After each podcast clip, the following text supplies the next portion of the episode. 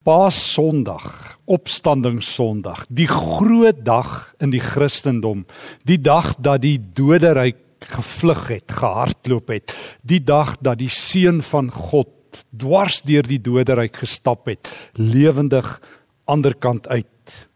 Die kruis is toe kaal en die graf is toe leeg. Die grootste vyand van wat vir jou en vir my op die loer gelê en kyk het, die dood se angel is getrek. Daarom roep ons op hierdie goeie dag uit dood, waar is jou angel? Want daar is een ding wat op jou en my wag. En dit is die doderyk en die dood. Die een ding wat ons vir mekaar altyd sê is maak nie saak hoe ons lewe en hoe goed ons lewe en hoe gesond ons lewe en hoe lank ons lewe nie. Een of ander tyd gaan die asem wat ons uitblaas die laaste ene wees en dan sit klaar, dan sit wedstrydpunt, dan sit skoppensboer, dan sit game set en match. Partykeer kom die dood genooid en ander kere ongenooid. Partykeer is dit 'n siekbed, ander kere is dit onverwagse ongeluk, 'n misdaad, jy noem dit en die dood het sy hakke ingekap. Ons almal ken die dood. Ons almal is bang vir die dood. Ons almal vrees die dood. Daardie oproep van 'n geliefde wat dood is en dan dan dan is die Christene daar, die vroeë kerk wat wat sê daar is 'n dag, opstanding Sondag, toe Jesus die Here die dood getroof het, gewen het. Ek lees in Matteus 28 hoe die Sabbatdag, toe die Sabbatdag verby is, toe dit die Sondagmôre begin lig word, het Maria Magdalena en die ander Maria na die graf gaan kyk. Skielik was daar 'n geweldige aardbewing. 'n Engel van die Here het van die hemel af gekom, na die graf toe gegaan, die klip weggerol en daarop gaan sit. Sy voorkoms was so blink soos weerlig en sy klere so wit soos sneeu. Van skrik vir hom het die wagte gebewe en soos dooies geword. Toe sê die engel vir die vroue: "Julle moenie bang wees nie. Ek weet julle soek Jesus wat gekruisig is. Hy is nie hier nie, want hy sê die dood opgewek, soos hy gesê het." En dan sê die engel: "Kom nader en kyk. Daar is die plek waar hy gelê het." Gaan sê nou vir sy disippels, hy sê die dood opgewek en hy gaan sa, hy gaan julle vooruit na Galilea toe. Daar sal julle vir hom sien. Die woord van die Here op hierdie dag. Die dood het verloor. Die angel is getrek. Jesus het opgestaan en hy lewe. O o dit is die grootste getuienis van die Christendom. So 'n klompie jare gelede sit ek en my uh, universiteitskollega Jan van der Walt en ons sit met mekaar en gesels en sê wat is die kan ek die Engelse woord gebruik non-negotiables, die ononderhandelbare pilare van die Christendom. O daar is baie dinge wat Christene deel saam met nie-Christene. Ons almal het respek vir lewe. Ons almal glo jy mag nie steel nie, jy mag nie moord pleeg nie. Ons glo ons moet goed doen aan ons naaste. Maar wat maak 'n Christen ten diepste 'n Christen? En toe sê ons mekaar die Nuwe Testament staan en val by die belydenis dat Jesus opgestaan het en dat hy leef. Dit is die kern van die kern van die kern. Oor daar's baie mense, teoloë en kluis wat mooi dinge oor Jesus sê. Hy is 'n profeet, hy is die wysste persoon wat ooit gelewe het. Sy leringe soos die bergrede is die mees aangrypende lering ooit.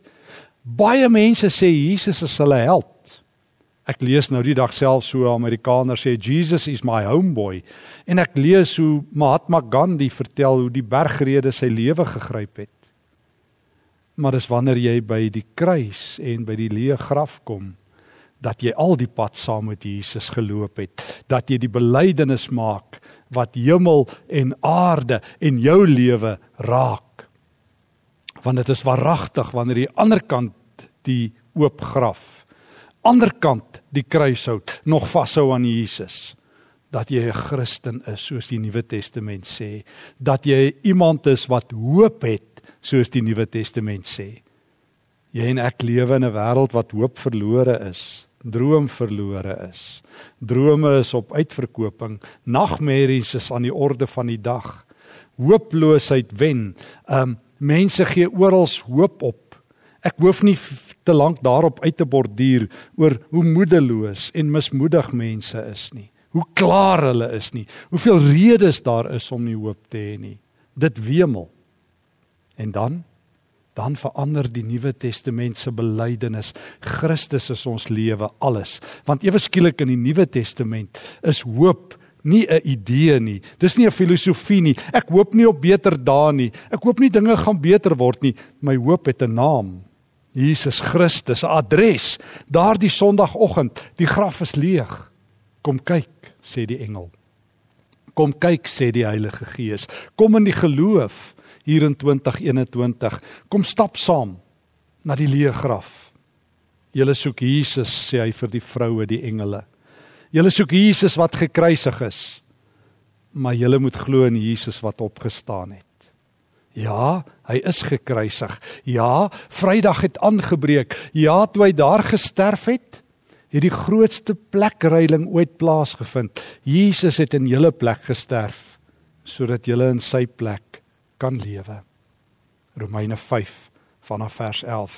Ja, Kolossense 2 vers 14 en 15 het by die kruis gebeur. Toe hy daar aan die kruis gehang het, het God die vyandelike magte ontwapen deur hulle mee te voer in die oorwinningsoptog van Christus. Agter die skerms terwyl Jesus daar gesterf het, terwyl die son donker geraak het, terwyl hy sy kruiswoorde uitgekreet het, Eloi, Eloi, lama sabachthani, my God, my God, hoekom het U my verlaat? In daardie oomblikke is die vyandelike magte gestroop. Op Satan se eie terrein, op die dood se eie terrein, het die seun van God hulle bluf kom roep. Het hy ons almal, jou en my, se sondes op hom geneem. Het hy in Galasiërs 3 se taal die vervloekte geword sodat jy en ek nie weer vervloek sal word nie.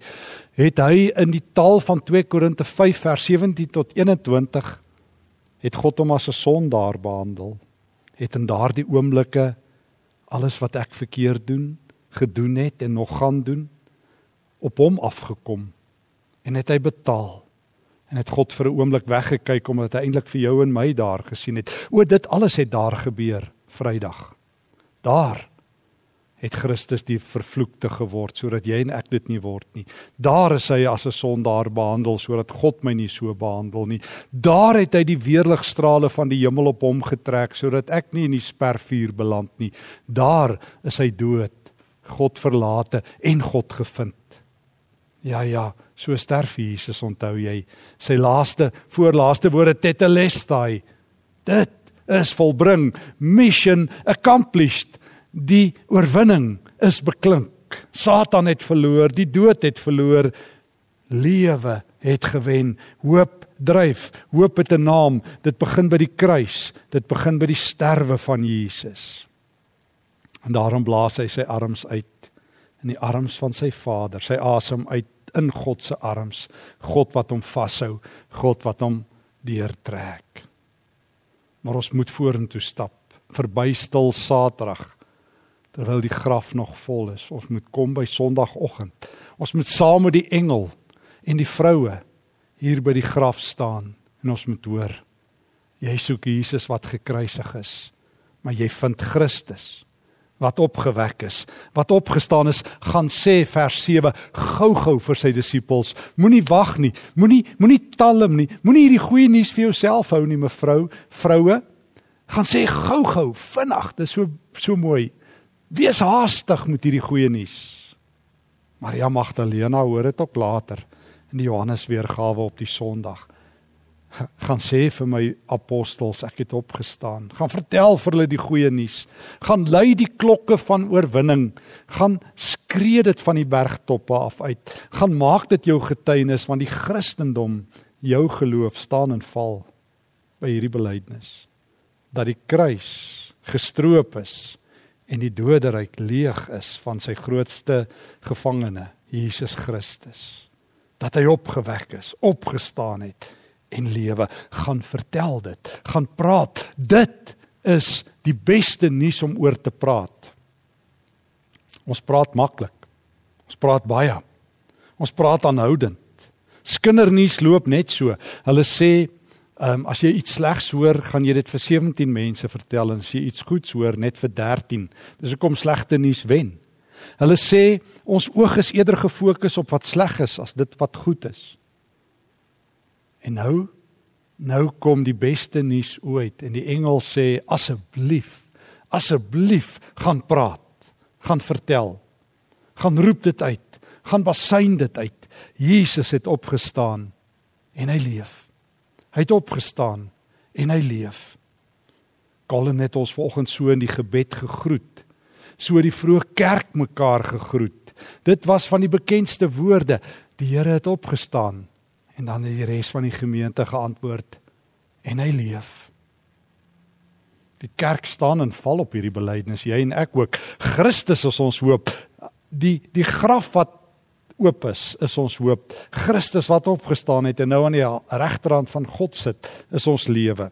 My my verlede is afgehandel en betaal. Hier en nou het ek Christus die Here by my en voor my het ek Christus in die hemel. En daarom daarom het die vroue toe gegaan en ehm um, het hulle vir Jesus raak geloop en is hulle gestuur om die verhaal te gaan vertel. En daarom daarom sluit Matteus waaruit ek vanoggend lees ook uiteindelik af as Jesus dan terug aan hemel toe met sy baie bekende woorde in Matteus 28 vers 18 aan my is alle mag gegee in die hemel en op die aarde. Hoor mooi aan my is alle mag gegee Ons leef in 'n wêreld waar baie mag is. Mense mags misbruik en magsvergryp het. Jy moet maar net elke dag ons eie land se koerante lees oor al die magsmisbruik. Dis waaroor die meeste gevegte gaan. Die politici en hulle staatskapings en hulle soeke na nog mag. En dan aan die ander kant van die leë graf staan Jesus op die punt om hemel toe te gaan as die koning van die hele heelal as die Here van hemel en aarde dan sê hy aan my is alle mag gegee in hemel en op aarde.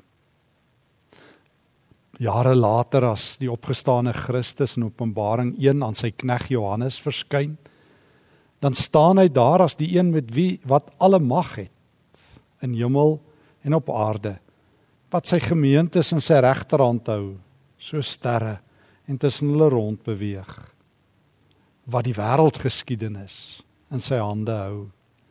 Wat die wêreldgeskiedenis stuur op sy groot terugkomdag. Dis die Here. My hoop is op hom. Daarom dat die vroeë kerk so uitjubel en sê ons sal staan en val by hierdie historiese feit dat die graf leeg is dat Jesus opgestaan het. Dit is ons lewe.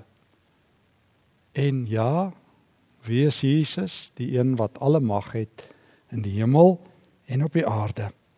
Vers 19 en dan sê Jesus Jesus dit ook soos wat die engel dit op opstanding Sondag uitroep, roep Jesus dit ook uit. Gaan nou na al die nasies toe.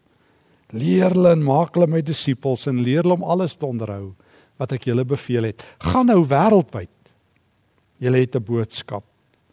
Julle het 'n getuienis. Julle het 'n opdrag. Julle het 'n lewe om te leef. Ek het gewen. Gaan verklaar dit.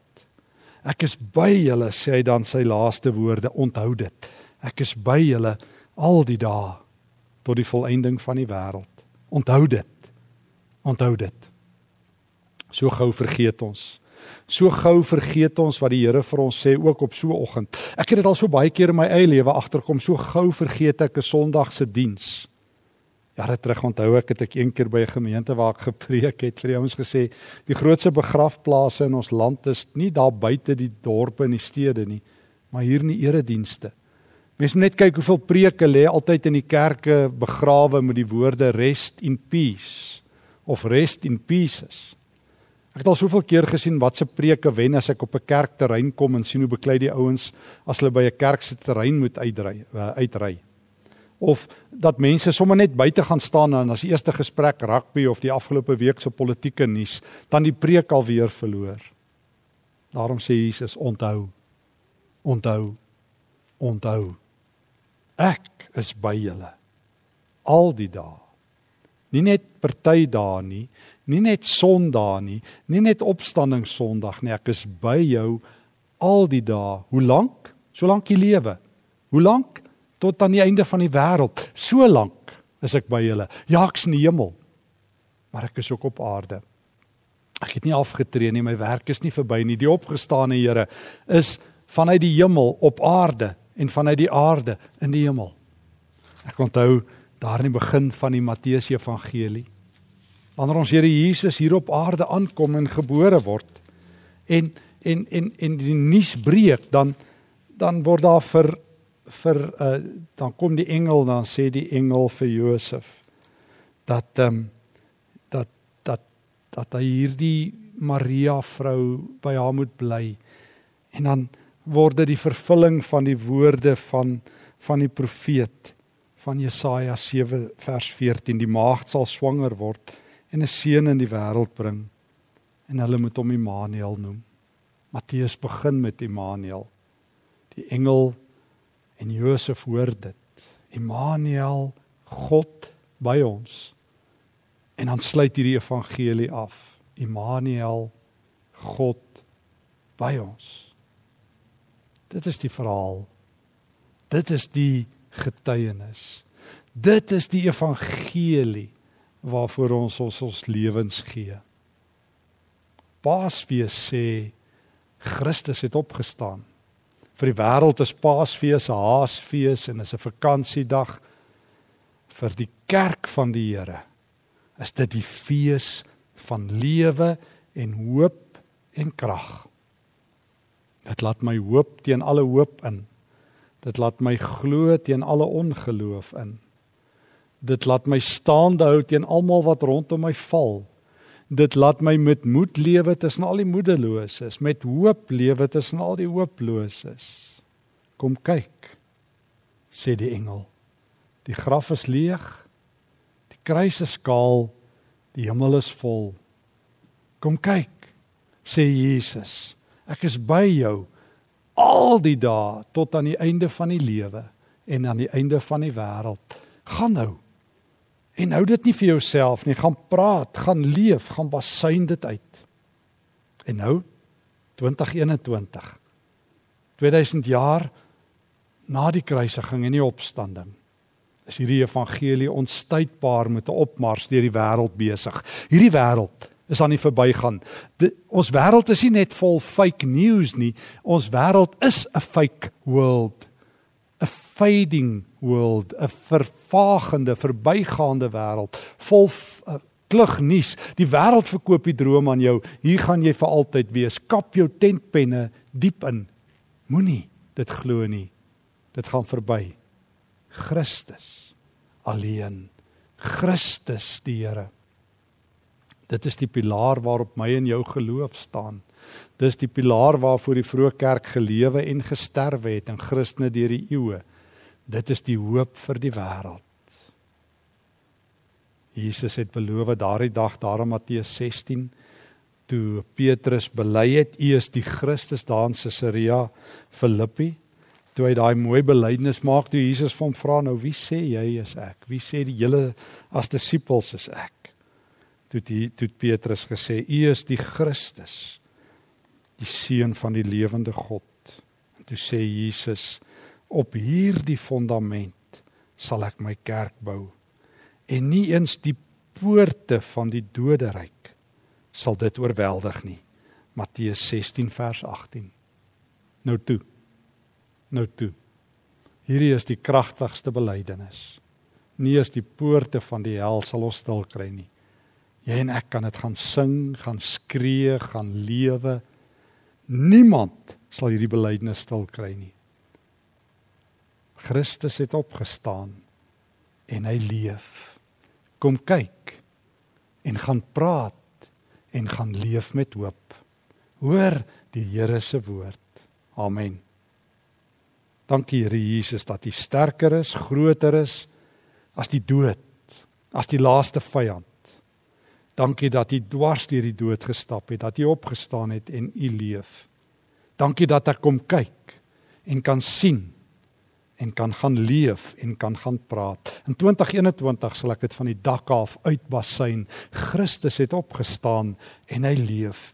As versoekings in my lewe kom, sal ek dit uitskree. As die dood naby kom, sal ek dit uitskree. As ek in gevaar is, sal ek uitskree. Christus het opgestaan en hy leef. Dankie dat of ek hier lewe of daar by u, ek lewe want u het my gekoop. U het opgestaan en u leef aan u al die eer. Amen.